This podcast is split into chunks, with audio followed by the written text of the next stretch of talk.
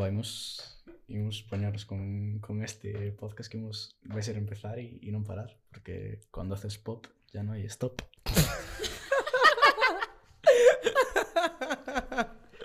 Gracias, Ancho. Bueno, de llamarnos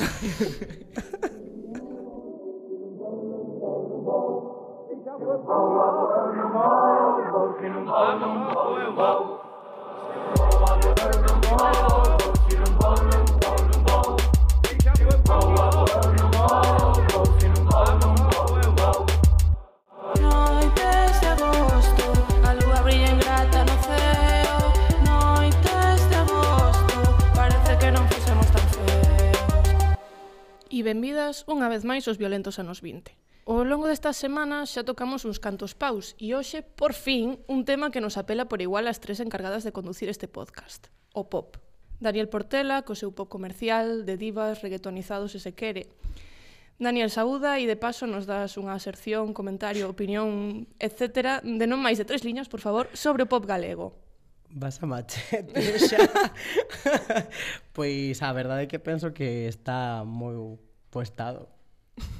Ter lido antes o guion, se non xa o saberías o que te ia preguntar. Non sei se xa o sabía, pero pero que queres?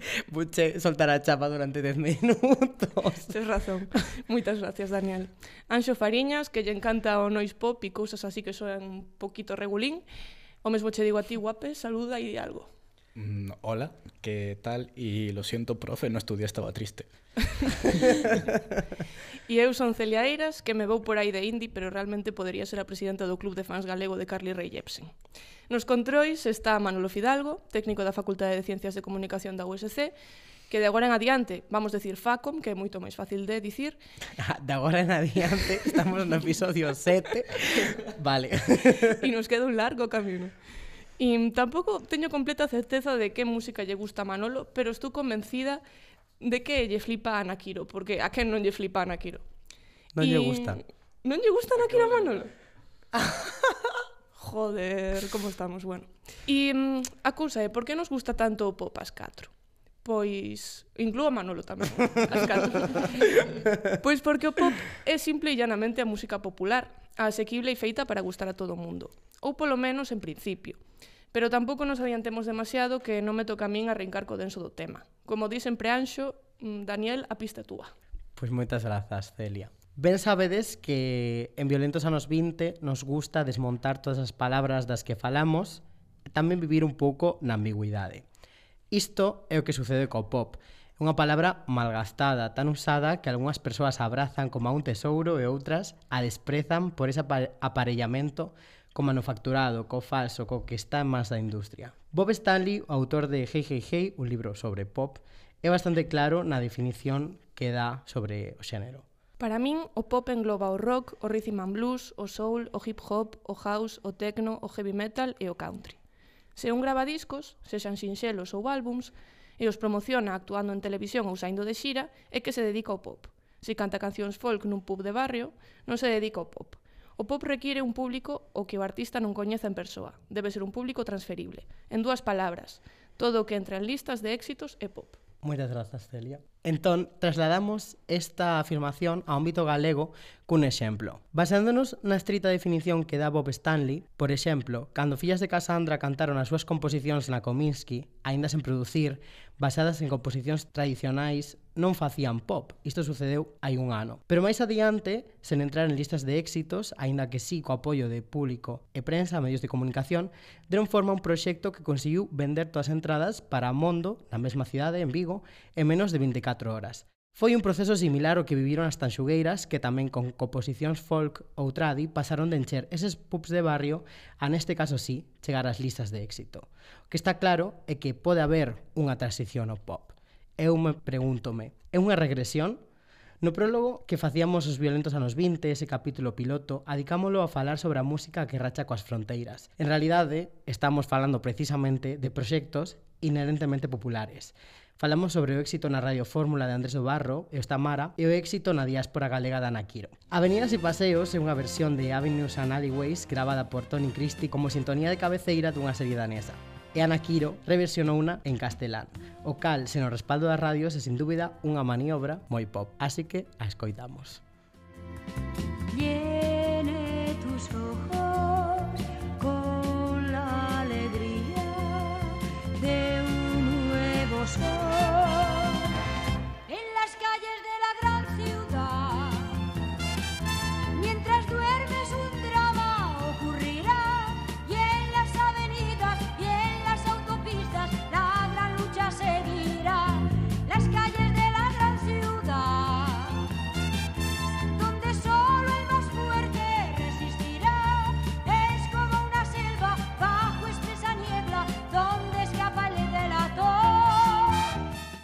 un pouco cara ao presente. Do episodio sobre o club e na experimentación electrónica lembraredes a Carlos Ordóñez, Prozac.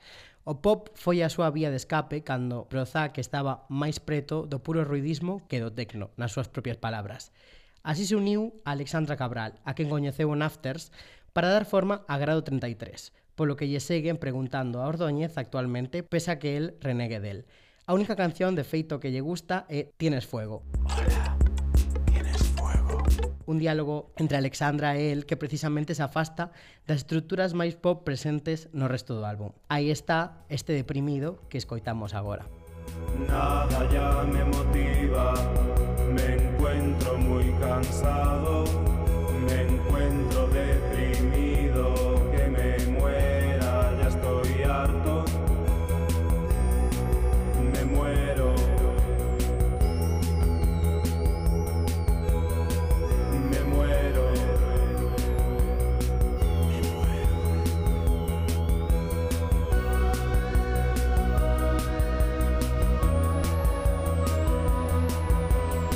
principios dos 2000 era o momento de formacións como o Proxecto Mourente, que deu forma a un primeiro LP baixo os eucaliptos que compilaba cortes de electropop bailable e contiña como os cangarexos, que o autor da nosa Biblia, Fernando Fernández Rego, di que foi un dos hits daquel ano. Colaboraron con Fanny Alexander, que é un dos proxectos que máis atención suscitou durante eses anos, coa súa volta a música o ano pasado, de feito, 2022.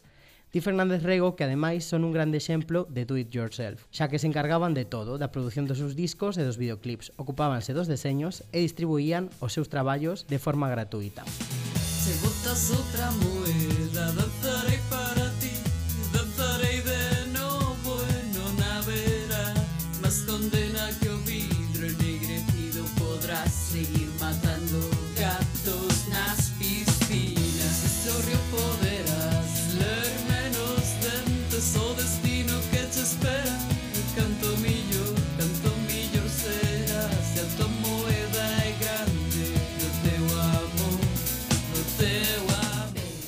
sorprende que Fernández Rego conecte reiteradas veces a palabra pop tamén con Emilio José. Que a cada paso que dá os cortes que compoñen os seus traballos están máis preto de deixar de ser ata cancións pero supoñemos que o pop efectivamente nos permea de alguna forma a todas.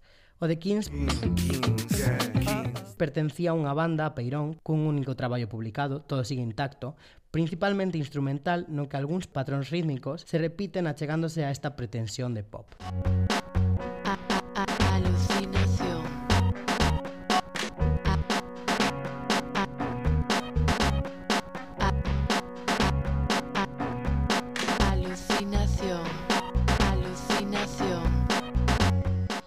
E que pasa entón co pop de agora? Ese polo que me preguntaba Celia ao comezo. Este é un novo pop electrónico, sintético, ás veces de elaboración doméstico, urbano, suburbano, cantado en galego, a menudo conectado ao folclore. Ou Así o define Daniel Salgado nunha reportaxe sobre o pop galego publicada en el diario.es fai moi pouco. Está aberto con V, a quen se uniu a etiqueta de trap polos fraseos que empregaban e as súas instrumentais, pero que se convertiron durante o seu tempo de vida nun dos proxectos galegos de máis éxito. Tamén Grande Amore, a que, o que hoxe tamén votamos en falta, un espírito punk mesturado por riba con influencias pop e electrónicas, pero capaz de mover a calquera público que se afronte. Igual co nomeado caso das tanxogueiras. Xogueiras Todo vaise dando da man ata moldear proxectos que de diferentes lugares atopan fórmulas para chegar a outros que sexan comuns, no popular.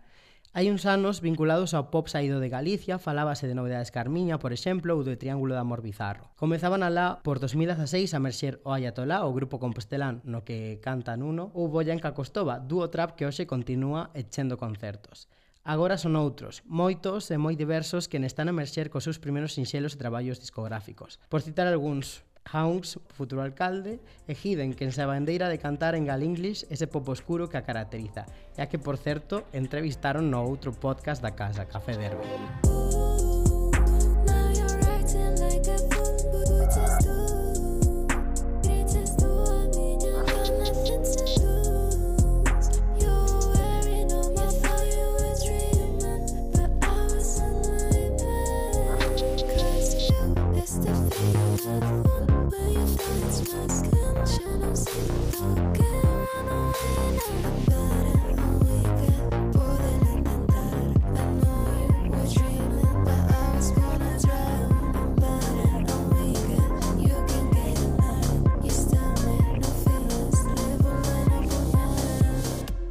Polo Camiño Hai etiquetas que se engaden como complemento para intentar engadir matices, pero sen mudar a raíz. Hai uns anos eh, púxose de moda falar do bedroom pop, no que de feito algúns medios encaixaron a unha das artistas que nos acompaña neste, neste episodio.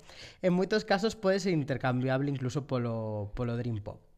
Un usuario reúne no seu blog en Medium, Ernesto Tel, faise chamar, moitísimas gracias Ernesto, porque cantoume isto. Reúne cinco características do bedroom pop. Calidez sonora, voces simples, sons minimalistas que se fagan un cuarto ou máis ben, que o pareza, e as influencias directas do Dream Pop, o Synthwave ou o Lo-Fi.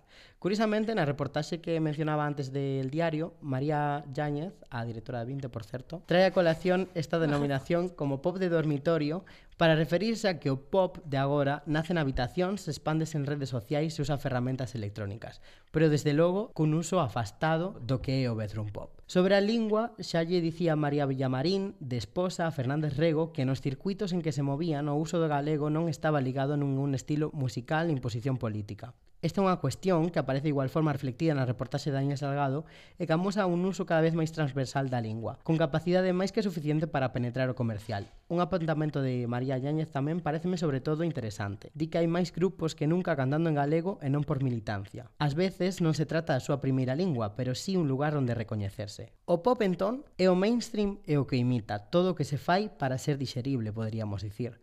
O pop absorbe o underground e o underground nutrese do pop. Entón, que carallo é o pop?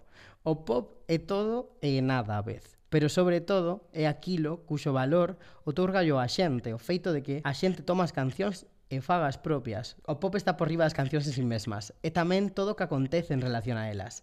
Así que este marronado que parecía máis simple de resolver, deixo a xente que nos acompaña hoxe para falar, efectivamente, do pop, como non podía ser de outra forma. Que xa vou a desgastar eu a palabra. Non, non podo non podo pechar eh, non, pero do- dá gusto dicila, pop.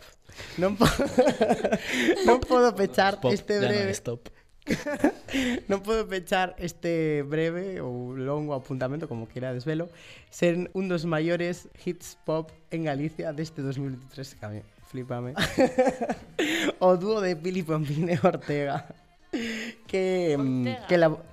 Ortega. Cano.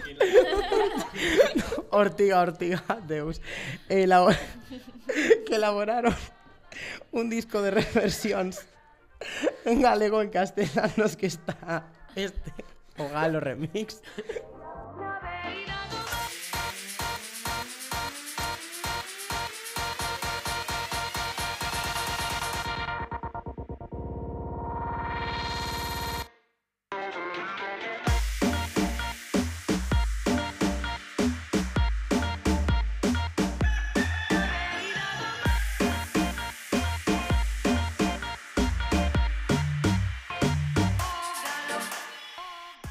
Unha das voces misteriosas quere dicir unha cousa A antes ver, de continuar. Dani, no te preocupes, es un error muy común. Yo escuché más veces lo de Ortega. Yo creo que debe ser un alter ego que tiene por ahí.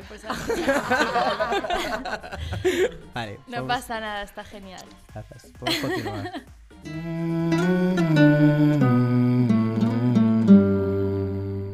De acordo, pois moitas grazas Dani por poñernos en contexto nun ámbito que coñeces tan ben. Eh, como sempre, para seguirlo analizando, contamos con tremendas artistas que nos van iluminar este camiño.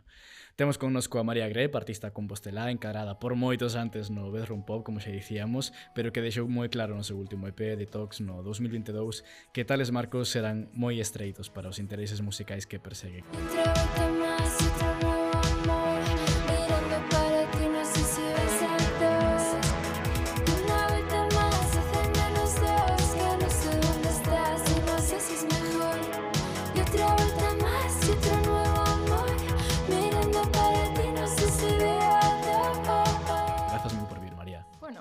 ¿Cómo me estáis dejando? Increíble. Muchas gracias por invitarme. Está aquí tamén Elba Souto, artista compostelá. Mira, hoxe, tanto compostelán enfadábamos o señor de, de Vigo Digo. Eh, Elba, que no seu álbum La magia natural do pasado ano, saca a relucir un son de, de mil capas que entre voces sintes leva o espectador a unha experiencia prácticamente onírica. Música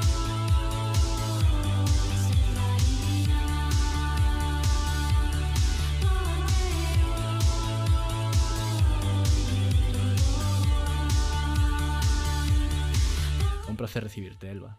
Un placer para min estar aquí. Moitas gracias.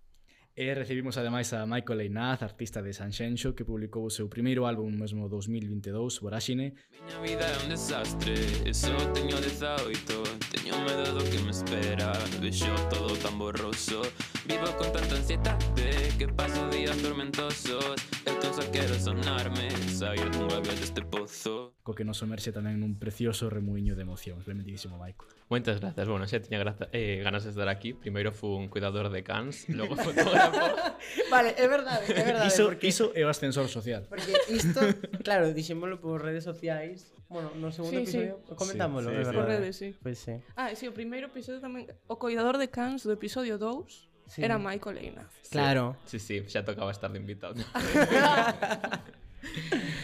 Vale, mm, ben sabemos que o, o pop é un concepto complexo, por veces caixón desastre, en ocasións comodín para clasificar músicas que aínda non teñen etiqueta ou que navegan por categorías difusas, e por parte de algunhas persoas, xa explicou moi ben Dani, eh, un pouco denostado como símbolo principal do mainstream, aínda que me atrevería a asegurar que na última década e media o acoso e derribo o reggaetón terá lixeirado un pouquiño a carga.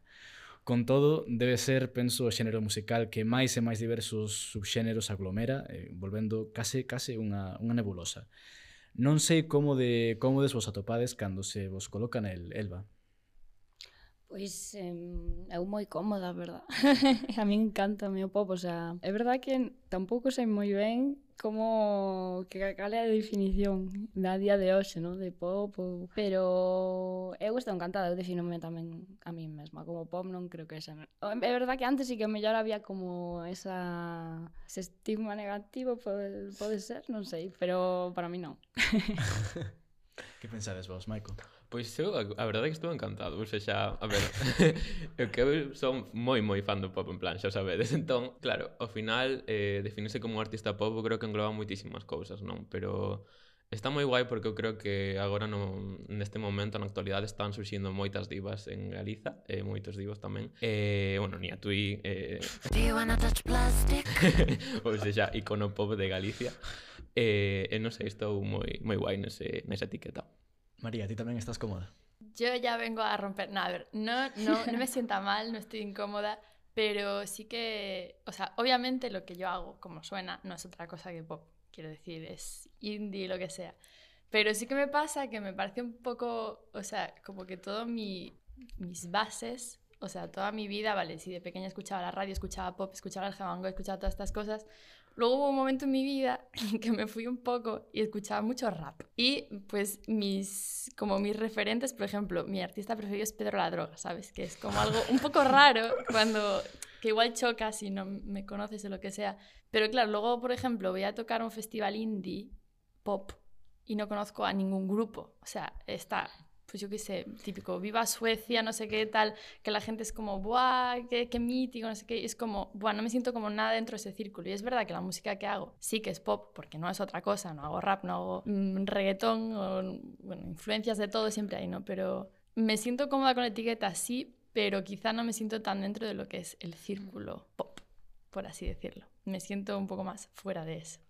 Toda esta serie de, mm, de intereses centrífugos, digamos, do, do pop. Non sei se foi o que ou ese sentirse case foránea do xénero no que se che encadra. Non sei se foi en parte o que fixo que no teu último traballo, Detox, saíses bastante tocando moitísimos paus afastados do, do bedroom pop. Sí, un pouco eso también cambia como porque el primer EP que saqué, que se llama Así un día, lo hice literalmente yo en mi habitación, en mi casa. Yo nunca estudié, bueno, estudié dos años de música, pero no tengo una formación súper grande. Y ese lo hice como yo sola, entonces, claro, estaba mucho más limitada en cuanto a poder hacer lo que se me ocurra. Y el segundo lo hice con Carreño, que es un productor increíble, y hace lo que tú lo que le digas, él lo hace, se lo saca a la manga. Y entonces ahí pues también me sentí mucho más libre de decir, vale, pues quiero hacer más cosas y además puedo hacerlas. Y sí que me sirvió como para decir, vale, puedo hacer cosas diferentes, aunque todo suene dentro de algo medio lógico y con sentido. Y ahora mirando más para adelante ya me quiero ir un poquito más a lo electrónico y, y ya volver a coger un camino recto otra vez. O sea, agora expandiches moitísimo, pero Sí, vas... ahora ya sé a dónde quiero Vale, ir. vale. ya lo tengo claro. Maico, tamén falábamos de, de pop no teu caso, pero tamén un, un pop nutrido de, de outras moitas cousas, no, en Boraxina topamos rumba, topamos muñeira, e, vai, pareceme que como a enésima proba de que o xénero se, difir, se diversificou moito daquela fórmula 2000era franpereísta de pop de guitarras. eh, non sei se agora o pop pode ser máis un paraugas para tocar diversos hmm. paus, hmm. como ves? Sí, a ver, é curioso, porque eu, por exemplo, mm, veño das influencias eh, de, de escoitar na miña casa Pereza, eh, El Canto del Loco, eh, Iván Ferreiro tamén, artista galego, Andrés Suárez, outro, eh, cantautores, ao fin e ao cabo, pero de repente nun, un, un momento na, na miña adolescencia que de repente descubrín as divas, e foi un cambio, en plan, de repente dixen que, que isto? Beyoncé, Taylor Swift, que é a miña deusa. E claro, eh, de repente saen como artistas como Rosalía, eh, eu creo que foi un cambio, porque ao final creo que os artistas deixamos de ser como xenéricos e comenzamos a ser artistas versátiles que eh, topamos todos os paus, sobre todo esos artistas que son como máis eh, pois pops, divos, divas. Entón, claro, facer un disco pop con unha rumba e con unha moiñeira eh, é unha crave diso, xa, xa unha clave, un exemplo diso ao final pois estamos nun momento en que as fronteiras mm, están moi pouco eh, limitadas eu creo, vaya. Elba, no teu caso, eh, chamounos moito a atención unha entrevista pasou na Dani polo, polo grupo xa dicindo, desta etiqueta temos que falar. Ah, eh, era do 2021 en Neo, en Neo 2 sí. eh, denominaban a tua música pop de conservatorio. Bueno. Ah, no, sí se flasheó unos. Quedámonos un Creo pouco que... mm, tolos. Eh, a partir desa mención do conservatorio, na que, na que tamén quero entrar, eh, o certo que sí que cando decidimos contactar con, contigo para este episodio, pensamos, E sentirase cómoda na etiqueta do pop? Xa dixeches antes que sí, en, eh, xa dixeches directamente moi rápido que sí o episodio, eh, agradecidísimos, pero precisamente pola música que faz que nos parecía un pouco un terreo moi pouco explorado, dentro do xénero, tiñamos esa percepción de que o mellor podía chocar. Xa cando lemos mm, que echaban a túa música a pop de conservatorio, dicimos, como presentamos esta música? Como, como é, este? É que creo que esa etiqueta é unha incongruencia por si só, un pouco, ¿no? porque... E como conservatorio, o sea, polo menos o tradicional e como música pois máis académica, entre comillas, e para mi pop é, é a música popular, a música do, do povo, digamos, sí. non? Como que Sí, o sea, podía, podría darse, ¿no? Pero bueno, en verdad o pop ten moita... O sea, musicalmente é música pues, barroca ou romántica, o sea, armónicamente, ou as melodías, quero decir, ¿no? Como que mm, a música de conservatorio dos anos 20 no, é unha locura de, mm, de disonancias, e que non ten nada que ver pues, nin co, co pop, nin co rock, nin con nada. Entonces, pues non sei como, como abarcar esa etiqueta.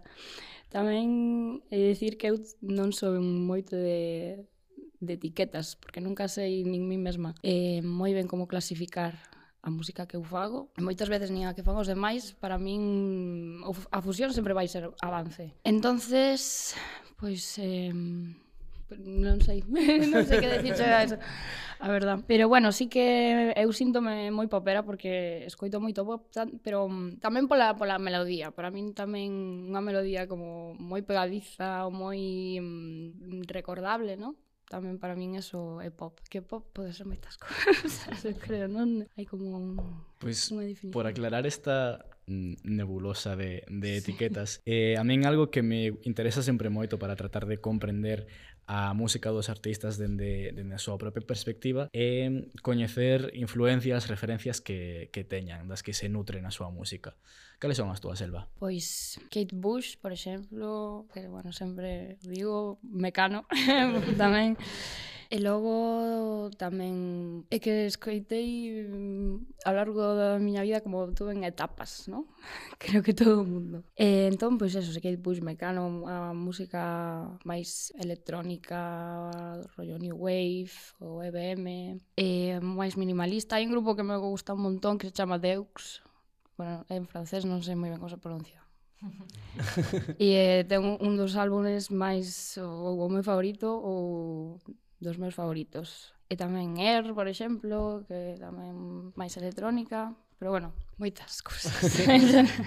Maiko, ti falabas antes de cantautores, de pop rock, de divas. Cando fixeches Voraxine, tiñas en mente algún artista en concreto? Sí, A ver, eh, creo que a principal é Belén Aguilera. Eh, a verdade é que esa muller para min eh, foi un cambio na, na hora de, de entender a música eh, e as perspectivas. E, bueno, tamén, obviamente, Berto, eh, tanto co seu proxecto con V como con B, porque ao final foi o, primo, o meu primeiro contacto coa música en galega. Galega, perdón. E, jo, ao final foi como mesturar todo iso, todo o que tiña de cantautor, de, de tamén o que aprenden das divas, coa saúde mental de, o sea, ese tema que trataron tanto Berto como Belén Aguilera Aguilera nos, nos seus álbums eh, que son super pop e eh, para o pois, interior e entón pois eh, foi mesturar todo iso eh, e darme conta de que podía facer pois falar das miñas movidas da, da saúde mental dos meus problemas de traumas tamén como cun pop sabes? Eh, foi tamén por exemplo non te importaba nada.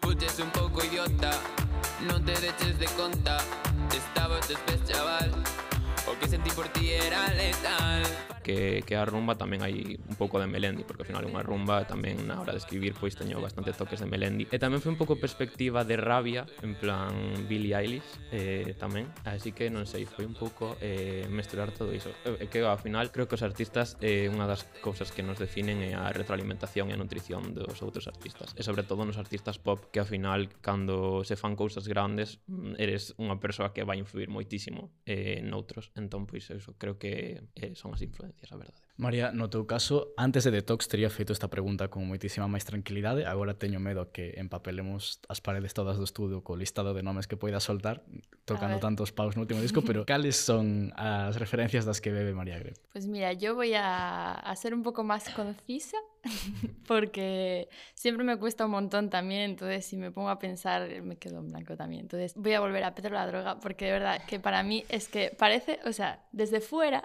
puede parecer como un trapero más, pero os juro que si veis como todas sus cosas desde hace años, tiene unas letras increíbles, produce increíble, o sea, un artista súper completo y que sigue haciendo, o sea, lo mismo pero diferente, pero que como sigue en su movida y eso a mí es algo que me... Siempre me gustan mucho los artistas, ¿no? Como que hacen algo y, lo- y creen en ello y a tope y hasta el final. Y eso a mí me, me inspira mucho, ¿no? y luego em, también me encanta, pero me encanta, me encanta Caliuchis. Es que la amo, o sea, sus entrevistas, cómo habla, lo que piensa. El otro día, sí, me estaba viendo una entrevista, bueno, no sé, como siempre que la veo hablar, digo, es que soy yo literal. O sea, ya me gustaría, ¿no? Pero no, como que coincido, creo que coincido en muchas cosas de las que piensa, cómo ve también pues el arte y cómo crea y lo que piensa y lo que quiere transmitir y tal. Y me quedaría como una mezcla de esas dos cosas. Luego, claro, referencias, mmm, no sé qué es lo que se refleja de ellos en mi música tampoco, pero sí lo que yo miro. Entonces, bueno, luego quizás luego si escuchas mis cosas igual no tienen nada que ver, ¿no? Pero lo que está en mi mente es eso, Pedro la droga y Caliuchis. Faime gracia de Pedro la droga porque me, me leva, non sei, vale, eu son un ávido consumidor de TikTok e hai unha, unha corrente agora en TikTok que é poñer eh, metal, pero metal moi hardcore e poñerse a bailar como se fora girly pop. E os moitos moitos tíos eh, metaleros responden cabreadísimos. Entón agora estou imaginando o mesmo pero con Pedro la droga. Tiene muchas cosas muy Sí. sensibles y muy, Sí. muy soft también. Non digo que non digo que non, pero para mí Claro, sí, sí, lo entiendo. Y también ese nombre no ayudan. Xa fala, falamos, saliu o, o tema da, da produción que, que o sacou Maico. Mm, María, nese tocar tantos paus en Detox, non sei, supoño que, que a participación de Carreño no EP tería certa influencia. En traballos anteriores tivera esa colaboración de, de Manu Blanco na produción, pero o proceso de creación sí que era teu. Non sei como foi mudando o proceso de creación mm, ou que cambiou de da María Greb dos inicios a María Greb de agora. Pues una pregunta muy interesante. Lo que dije antes, pues el primero fue yo sola en mi casa sin tener ni idea de nada. O sea, literalmente como los acordes sonaban bien y la letra también y para adelante. Y claro, eso pues está muy bien porque sí que es como una crudeza en lo que quieres expresar porque al final es, es literalmente eso, ¿no?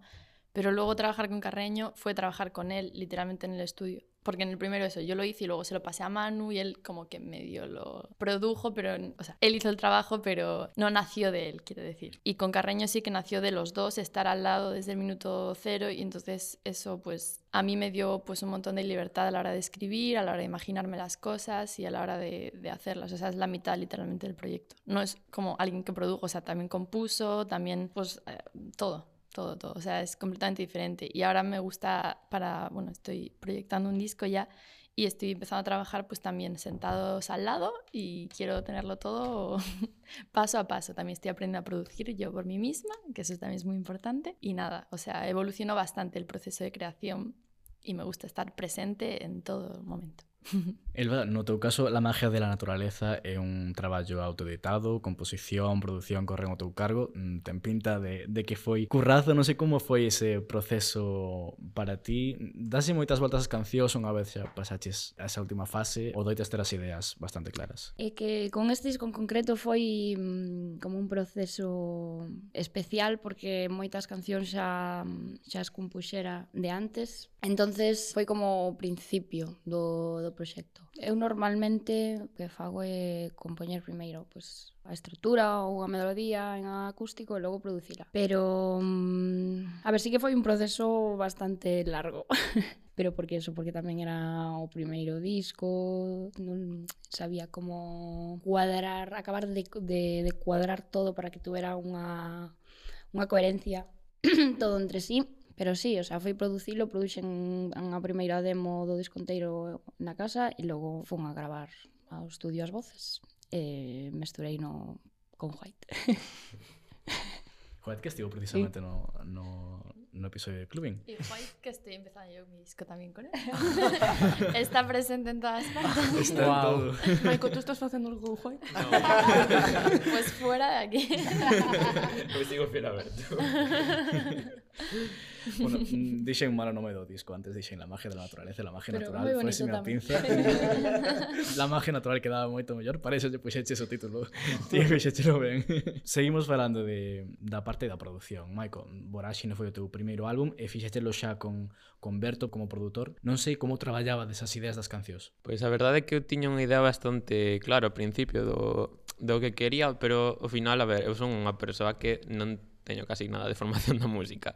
Ou seja, mm, fun, cheguei ao estudio e dixen a Berto, mira, teño un concepto, non sei que, gustoulle, e claro, Berto tamén está empezando el coa, coa producción. E a verdade é que foi un camiño bastante chulo, porque notas de feito no, no disco, nas cancións que fixemos máis tarde, que fixemos ao principio, hai un cambio. En canto a composición, tamén de como adaptar as letras, eu tamén era, e son, bastante tozudo coas letras na hora de, de querer facelas. El, por exemplo, sempre me anima pois a, a facelas en, en pro da producción. E a verdade é que foi un proceso moi chulo, porque a aprendí moito del e eh, el tamén de min. Eh, non sei, quedaron bastante chulas todas, a verdade. Eh, sobre todo eu destacaría eh, a produción do Berro. Quero poñermo que me saia do carallo Maquillarme un eyeliner to guapo En plan, impresionante, a min flipame Muñera feliz tamén super chula e, bueno, voraxine o, o tema eh, Non sei, foi, foi super guai Ademais, eh, tratou as cancións cun trato super chulo E bueno, agora estamos a, a facer un EP xuntos e, e, non sei, moi guai, ou seja, estamos xa producindo, antes tiña todas as composicións eu traídas da casa, pero neste estamos pois no estudo poñéndonos os dous e bueno, foi así o proceso de preparar as cancións, as letras e as temáticas no propio estudo e pois tamén levalas a produción a vez e compoñer. Así que bueno, foi un cambio tamén de, de traballo, eu pois explorar é o que o que tocan ser artista, verdade.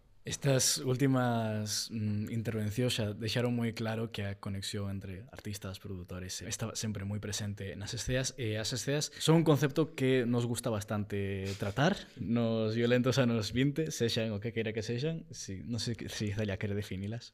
Outra vez. é broma, é broma, é broma. Non, episodio 4 de Violentos anos 20. Clic, play. As escenas, non sei como percibides vos a, a escena do pop galego, que dinámicas vedes, como percibides a, a vosa propia trayectoria nela, como, como vos ensamblades, Selva? Mm, pois pues eu creo que en Galicia hai moitísimo talento e moitísima, moitísimas iniciativas superguais E nunca sei moi ben onde encaixarme a mí mesma, verdad? Porque a vez como que gustame tantas cousas e eh, quero mm, como que tocar tantas cousas, sabes? Que mm, me, non sei moi ben onde encaixarme.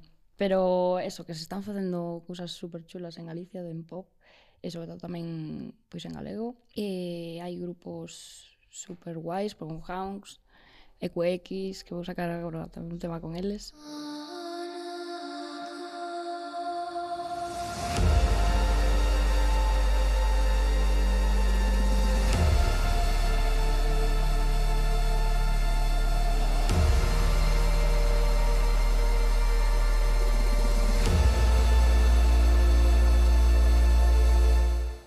eu creo que tamén hai, ou penso, que, que hai bastante, bastante compañeirismo tamén, é, é moi bo rollo que é moi importante, eu creo, na música que temos que apoiarnos todos entre todos. Precisamente na entrevista que mencionábamos antes de Neo 2 preguntábanche pola escena en Santiago de Compostela precisamente polo masculinizado da, da escena. Chamou atención iso, ti dicías que te sentías como, como en casa, tamén Maico, cando sacabas o, o berro como último adianto de Voráxine facías un shoutout ás persoas queer. Non sei se a escena está masculinizada, cis heteronormativizada, non Que, que pensades, Maico? Pois eu creo que está bastante cis heteronormativizada, a verdad. Ou seja, non vou mencionar nomes e nada porque, jolín, ao final pues, tamén sinto que son artistazos todos, pero sí que sinto que hai unha falta de nomes, eh, sobre todo femininos. Nos cartéis, nos concertos, nos streams, no streaming, é unha animalada. Eh, tamén queer, ou seja, ao final eu tamén como persoa queer tamén vexo máis dificultades ou sea, xa, xa non teño handicap de ser muller, pero sí que teño un handicap de ser queer. Eh, xa as persoas incluso que estamos neste ámbito costanas muitísimo entrar en portas, sobre todo se facemos pop aínda por riba, porque é eh, un xénero que está bastante para as girls and gays e así, pois a verdade é que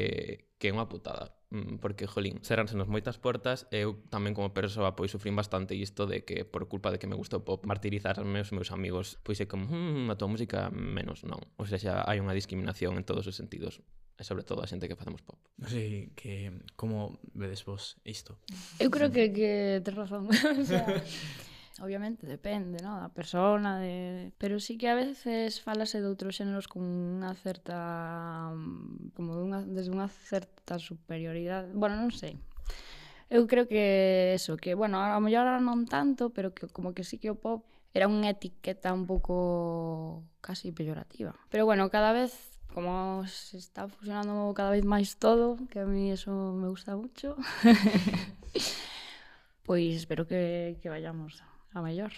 Como vives estas dinámicas, María? Yo la verdad, no porque me quiera ir, pero digo, no me encuadro dentro de la escena gallega en el sentido de que, a ver, esto va a ser, hay que decirlo con cuidado, no es que me esté quitando de la escena gallega, pero digo, de- si veo la escena, no sé dónde meterme, a eso me refiero. Como no creo que esté como tan dentro de todos los movimientos de la escena de, ni de Santiago ni de Galicia. Entonces, desde dentro lo puedo ver a través de, del grupo en el que toco, que es Gran Amore, con uno. Entonces, claro, mi experiencia desde ahí no es la misma de la que yo podría tener como mi experiencia desde María Grep. Entonces, mi experiencia desde ahí, obviamente, o sea, no está discriminada ni por queer ni por mujer, porque es el grupo de un hombre. Entonces, no puedo hablar de mi experiencia, porque desde María Grep no me siento dentro y desde Grande Amore no me siento discriminada.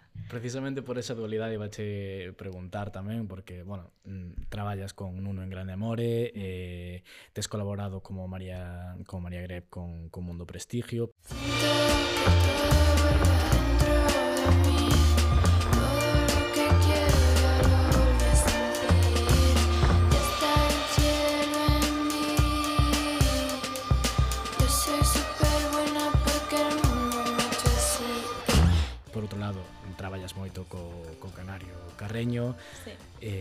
eh, formaches con Dani, Kimberly Tell, as Culnenas. Sí. Eh, que diferencias atopas dende o teu punto de vista entre como se move o pop aquí e fora ou, ou as distintas dinámicas que Claro, atopaches no, nas, nas ahí sí puedo hablar de diferencias súper claras de llegar a un sitio con Mundo Prestigio o con Grande Amore a llegar con Culnenas, o sea, es una experiencia completamente diferente.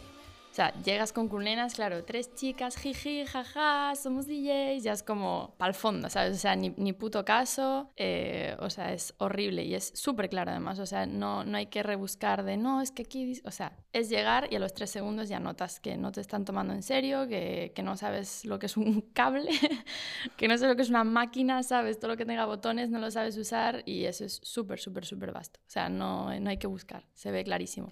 E incluso llegando a un sitio también con, con grande amore, que le hagan caso a él y a mí no, ¿sabes? Un técnico es como, ¡buah! Lo noto más como esas cosas como del, del día a día, ya no tanto en carteles ni en cosas, yo en mi experiencia, sino de, de llegar a un escenario y, y y eso, que no te hagan ni puto podcast. Pois son temas que hemos de ser sedimentando para, para o debate, de, para a discusión de despois. Eh, quería antes facer unha pregunta, unha última pregunta da entrevista para, para estrés, que era o que falábamos antes, da identificación do pop co, co mainstream, eh, e hai unha pregunta que, que introducía Dani que me parece moi interesante, que é se hai pop no underground, que, que formas toma este xénero no upside down da, da escena? Pois, a ver, mm, a verdade é que non sei moi ben que dicir ante isto, pero a ver, eu como persoa que tampouco que sexa super grande, mm, nen a nivel galego, sí que mm, dicir que, a ver, hai escenas tamén, pois iso, por exemplo, mm, eu dentro da House of Berto, que ás veces falamos dela, pois, jolín, ao final, pois sí que ves como hai proxectos que van mellor e outros que non, pois quedanse no, no underground ao final siguen sendo pop. O sea, sí que creo que existe o pop mm, nos baixos. O sea, ao final, para min o pop tampouco se diría que é só popular o pop é, é o que pode facer calquera cousa mm, dentro dese xénero, en plan, non sei, a verdade é que non sei moi ben como definilo. Non sei, me estou metendo un poquinho nun lío.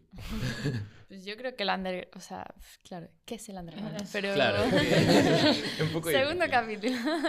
no, yo creo, claro, depende. O sea, para mí el pop, aunque sea todo lo popular, bla, bla, bla, para mí el pop es el sonido pop que es melodías pegadizas, pues lo que hablaba Elba antes, eh, cosas fáciles no de hacer, sino de escuchar. Entonces, sí que noto que hay un poco de pop en el underground porque al final también son cosas que...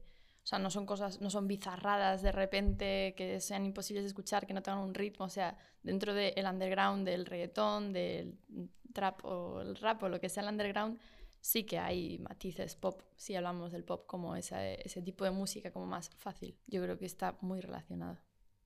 Sí, eu creo que sí, o sea, mm, hai moita xente facendo música que non, e non todo o mundo pode chegar, o sea, ir cunha compañía super mainstream ni nada, o sea, para mí sí que existe o pobo que claro, que, que eh, o que dicía antes, que como, como se que é underground, o sea, que é como unha mm, forma de mm, de vivilo, de, de unha posición, non, non sei. Pero sí que hai eso, moita xente facendo pop pois, cos medios que ten ou cos que quere, sin pasarse a, mm, pois, a algo máis eh, de masas, digamos, non?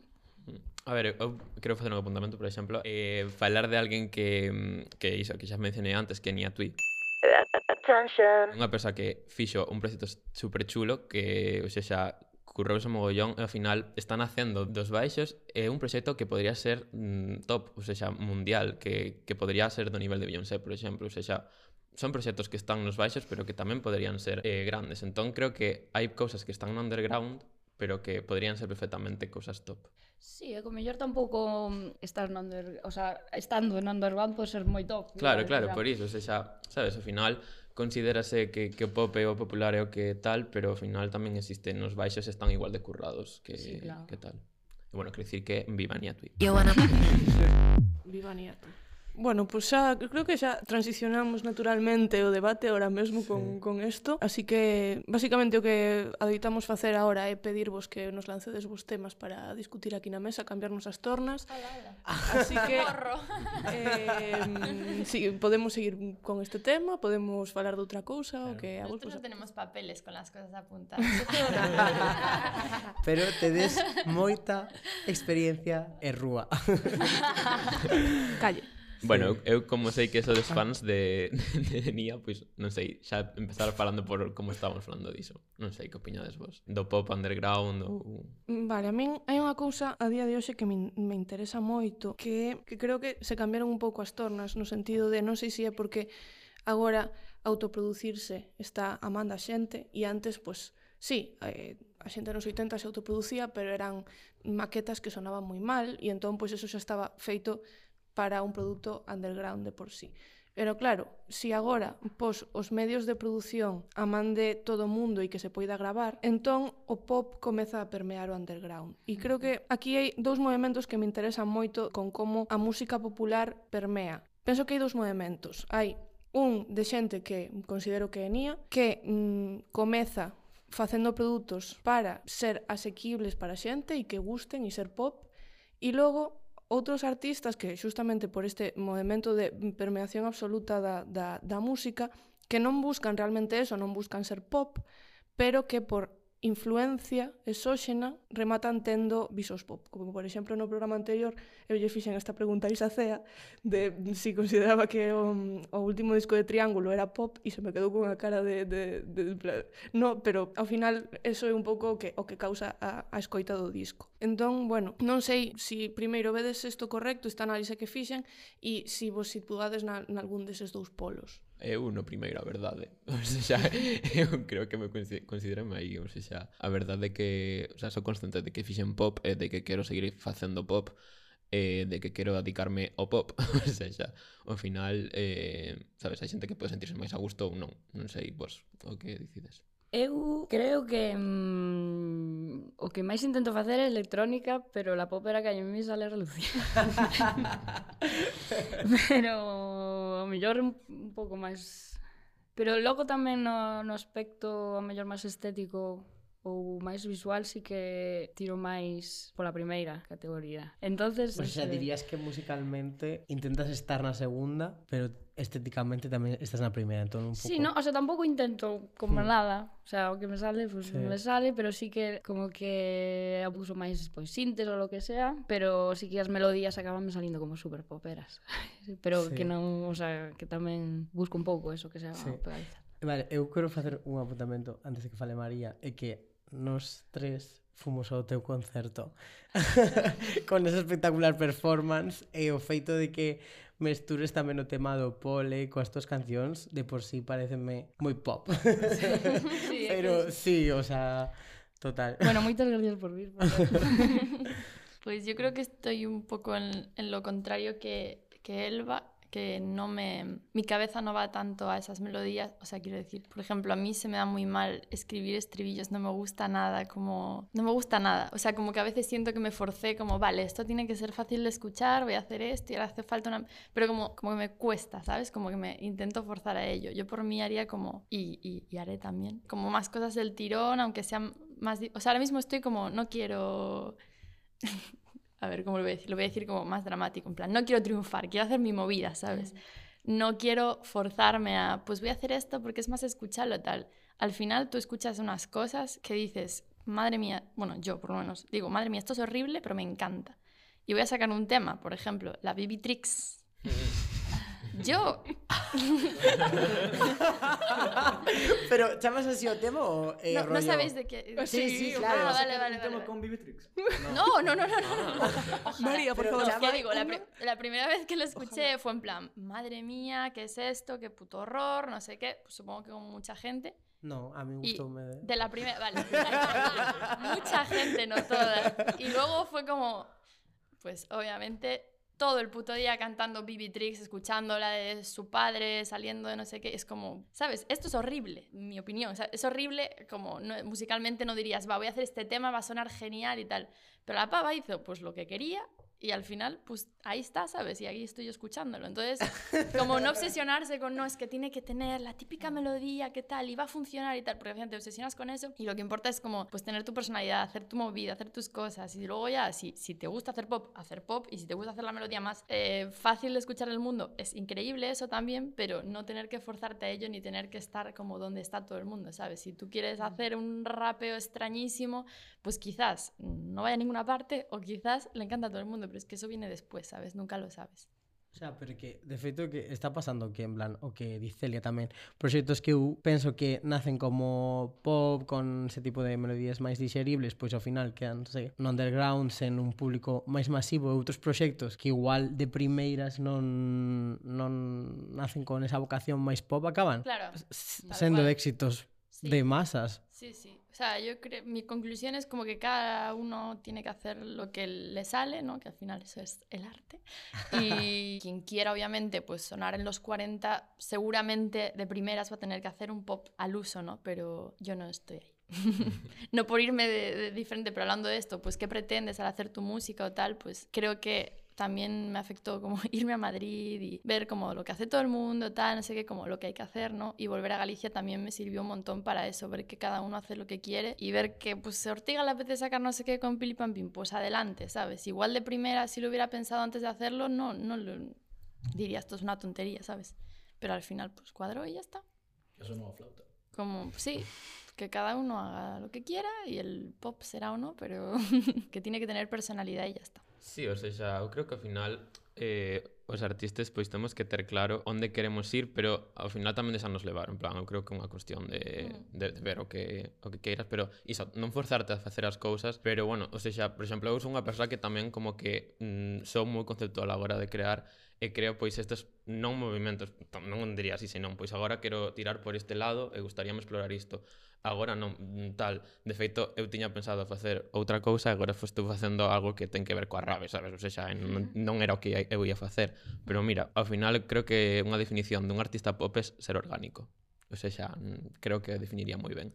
Un, un artista pop ten que ser orgánico. Aquí penso que entra outra cousa que non sei se vos percibides que está cambiando, pero mm, no tema de ser orgánico, que normalmente de feito pop ás veces era todo o contrario, eu penso que sí que agora, igual porque hai tantas propostas diferentes, non sei que pensades, pero sí que o público empeza a exixir que incluso os proxectos máis grandes teñan algo claro. ou polo menos que se venda esa naturalidade. Claro. Ainda que non exista. Claro, es a lo que me referís. Tú mm. quieres hacer eso y es lo que te sale, está mm. súper bien.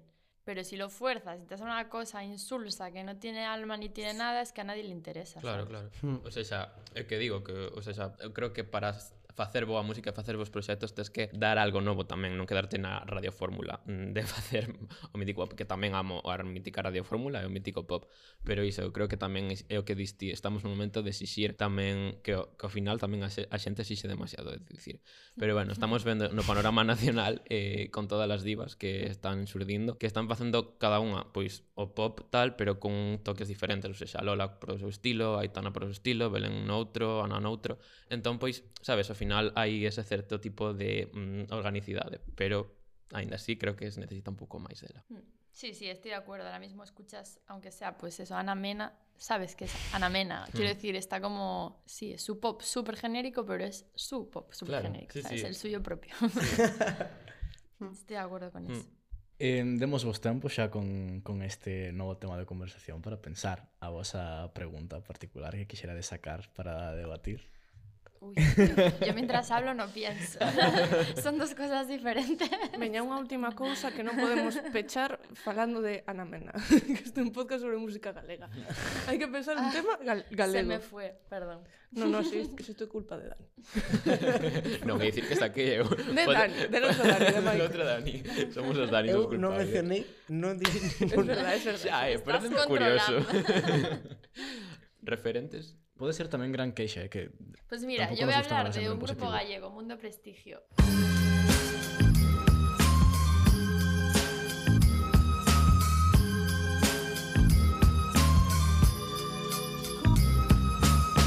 Me parecen increíbles, hacen música instrumental, que en un principio piensas música instrumental, tal, no sé qué, y luego los ves en directo y son increíbles y también son super pop, si los miras desde ahí. Ala, ya está. Ese es mi aporte. y eh, ese es el ejemplo de pues gente, cuatro chavales súper talentosos que hacen lo que quieren, están en su escena tranquilitos y, y al final pues salen cosas súper super guay, súper orgánicas. O que mencionar antes, iso, eu creo que ao final eh, o, o que de non ter como referentes galegos é un problema, en plan, de feito eu miro na, na forma na que falo do, do mundo eh, artístico, a mí faltanme referentes en Galiza, e non porque non os haxa, senón porque eh, falta visibilidade, tanto dos medios como das redes é un animalado, ou sexa, e agora cos todos os proxectos que están surdindo, de feito creo que o ano pasado foi unha brutalidade a de xente que apareceu no panorama, e todas as persoas teñen proxectos, como dixen antes, que poderían estar no underground ou, un, ou nunha escena máis mm, baixa, pero que son de, da mesma calidade, eh, tanto estética como musical, mm, dos artistas grandes. Por iso eu creo que estamos nun momento moi bo no pop galego, pero que falta máis visibilidade. Ou seja, vale, está Berto embora o que foi o, o cume de, nestes últimos anos, pero hai proxectos que os siguen que, que están sendo brutais e que non tiveron tanto reconocimento como deberían ter. Sí, eh, que eu creo que tamén que falta mellor unha rede máis eh, mm. máis sólida en Galicia de mm, pois pues, tamén de apoio de, de salas, pero como crear aquí sen ter que irnos a outro sitio de España para poder mm, que veña aquí a xente. non sei se me explico sí, sí, moi ben, sí, sí, sí. como unha rede máis consistente. Outro día estaba pensando, bueno, ou onte na cama, de feito, é que como que cada unha das tres tes o vosso propio colchón, a vosa propia rede na que, na que vos relacionades e na que creades. Eu penso que é algo que está pasando agora aquí bastante, é que cada persoa pois rodease de pois outras artistas acaban como creando xuntas e de aí pois de, dun mesmo como núcleo hai moitos proxectos e eh, están os uns nos outros. Mm. Escena. Mm. Sí, sí, sí, sí, sí. literal. sí, é que de feito, por exemplo, a, a escena que é que como dixeron elas durante o podcast, eu tampouco sei a, a verdade en, en onde poñerme, pero o que dixen antes de que moitos proxectos surdiron no 2022, pois mm, iso, Ash que está comezando Mondra, eh, Vías de Casandra, todo o proxecto de Berto, tamén, pois iso, outras persoas como Hidden, Futuro Alcalde, ao final hai como un panorama escénico, sobre todo entre Santiago e Vigo, quizás, que está sendo moi grande. E de Rapans tamén, que lo están petando. Iso, sí. Sí, sí, sí, sí, sí. Grazas, Samu, pola caixa de ovos que nos trouxetes no episodio do Rock. Sí. Moitas grazas. Dúas dúcias de ovos trouxenos Samu. Oh, hmm. mierda, yo no traje. Pero sí, faltan, faltan escenas, a verdade eh, Bueno, non faltan escenas, faltan visibilidade das escenas, perdón Así que nada, por favor, mm, xente das salas, coitantes, eh, persoas dos medios mm, Facede un poquinho de caso a xente mm. anda Sí, estaría ben Sí. Bueno, pois si ninguén quere engadir nada máis... Uh, Yo solo, no. Sí, queres engadir. solo ¿Sí? voy a añadir que a lo largo de este podcast odio hacer entrevistas y odio hablar, o sea, no soporto. Si dije algo horrible, lo siento, ¿vale? Mm, Seguro que, que no lo pretendía. y olvidadlo, ¿vale? Porque luego me escucho y siempre digo como, buah, pero tú estás, ¿por qué dices esta mierda, vale? Así que me quito de toda responsabilidad. Gracias. Vale, pois agora sí. A ver, aquí rematando, non vai a ser que se nos pecha a facultade e nos deixen dentro. Todo aquí falado e discutido hoxe non fai máis que demostrar que a nosa música está en mellor forma que nunca e que Galicia está máis popera que nunca. De pop que non de popper. moita sala, moita mala testa. Bueno. que o pop, o popular... Escoite un local. Como? Como nos escoite un Da municipal. igual que, que estas tres persoas ao principio nos piramos. De, Estamos enviando buscar, mail. polo menos. Bueno, bueno, tranquilidad, tranquilidad. bueno, ahora estaría guai que contase a miña anécdota da mala testa outro día da porta. No, no, no. Veña, veña, veña. Sigue, sigue. Suena bien. Es, es buena, es buena. Off the record. Total, Que conclusión? Que o pop, o popular é todo, ou case todo, e que agora máis que nunca se manifesta en múltiples formas e cores. Moitas grazas a Elba, a Maico e a María Greb por acompañarnos este rato. Foi un placer recibirvos. A vos. Muchísimas gracias. E como non, porque de alguna forma tiña que estar el presente neste programa, pechamos con que mellor atinan as melodías para encantar unha xeración enteira ou varias. Berto Nene, tú si queres música nos ouvidos. Soño mar adentro sola.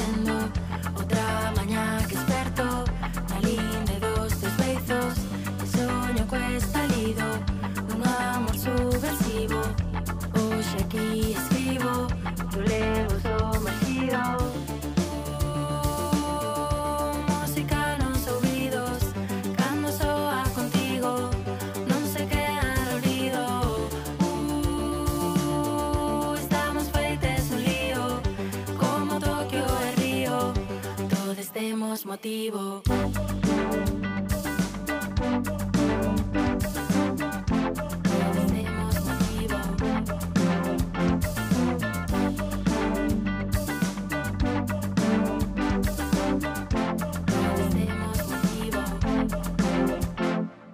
Siento que todo era eterno cuando estábamos preto. Só queríamos sentirnos nada máis.